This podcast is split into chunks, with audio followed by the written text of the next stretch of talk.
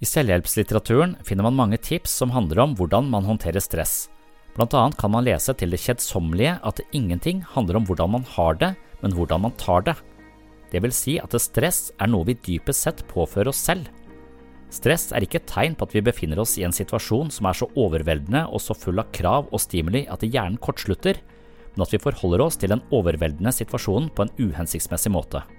Siden dette er mantra i den positive psykologien og gjentatt av så mange selvhjelpsguruer at konseptet har blitt klisjé, så skulle jeg nesten ønske at det ikke var sant. Men jeg tror det stemmer.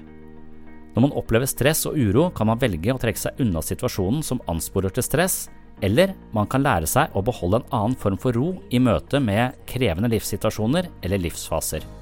Hør mer om denne tematikken på Sinnsyns Patrion i episode 15, som har overskriften En vaksine mot stress og psykiske plager.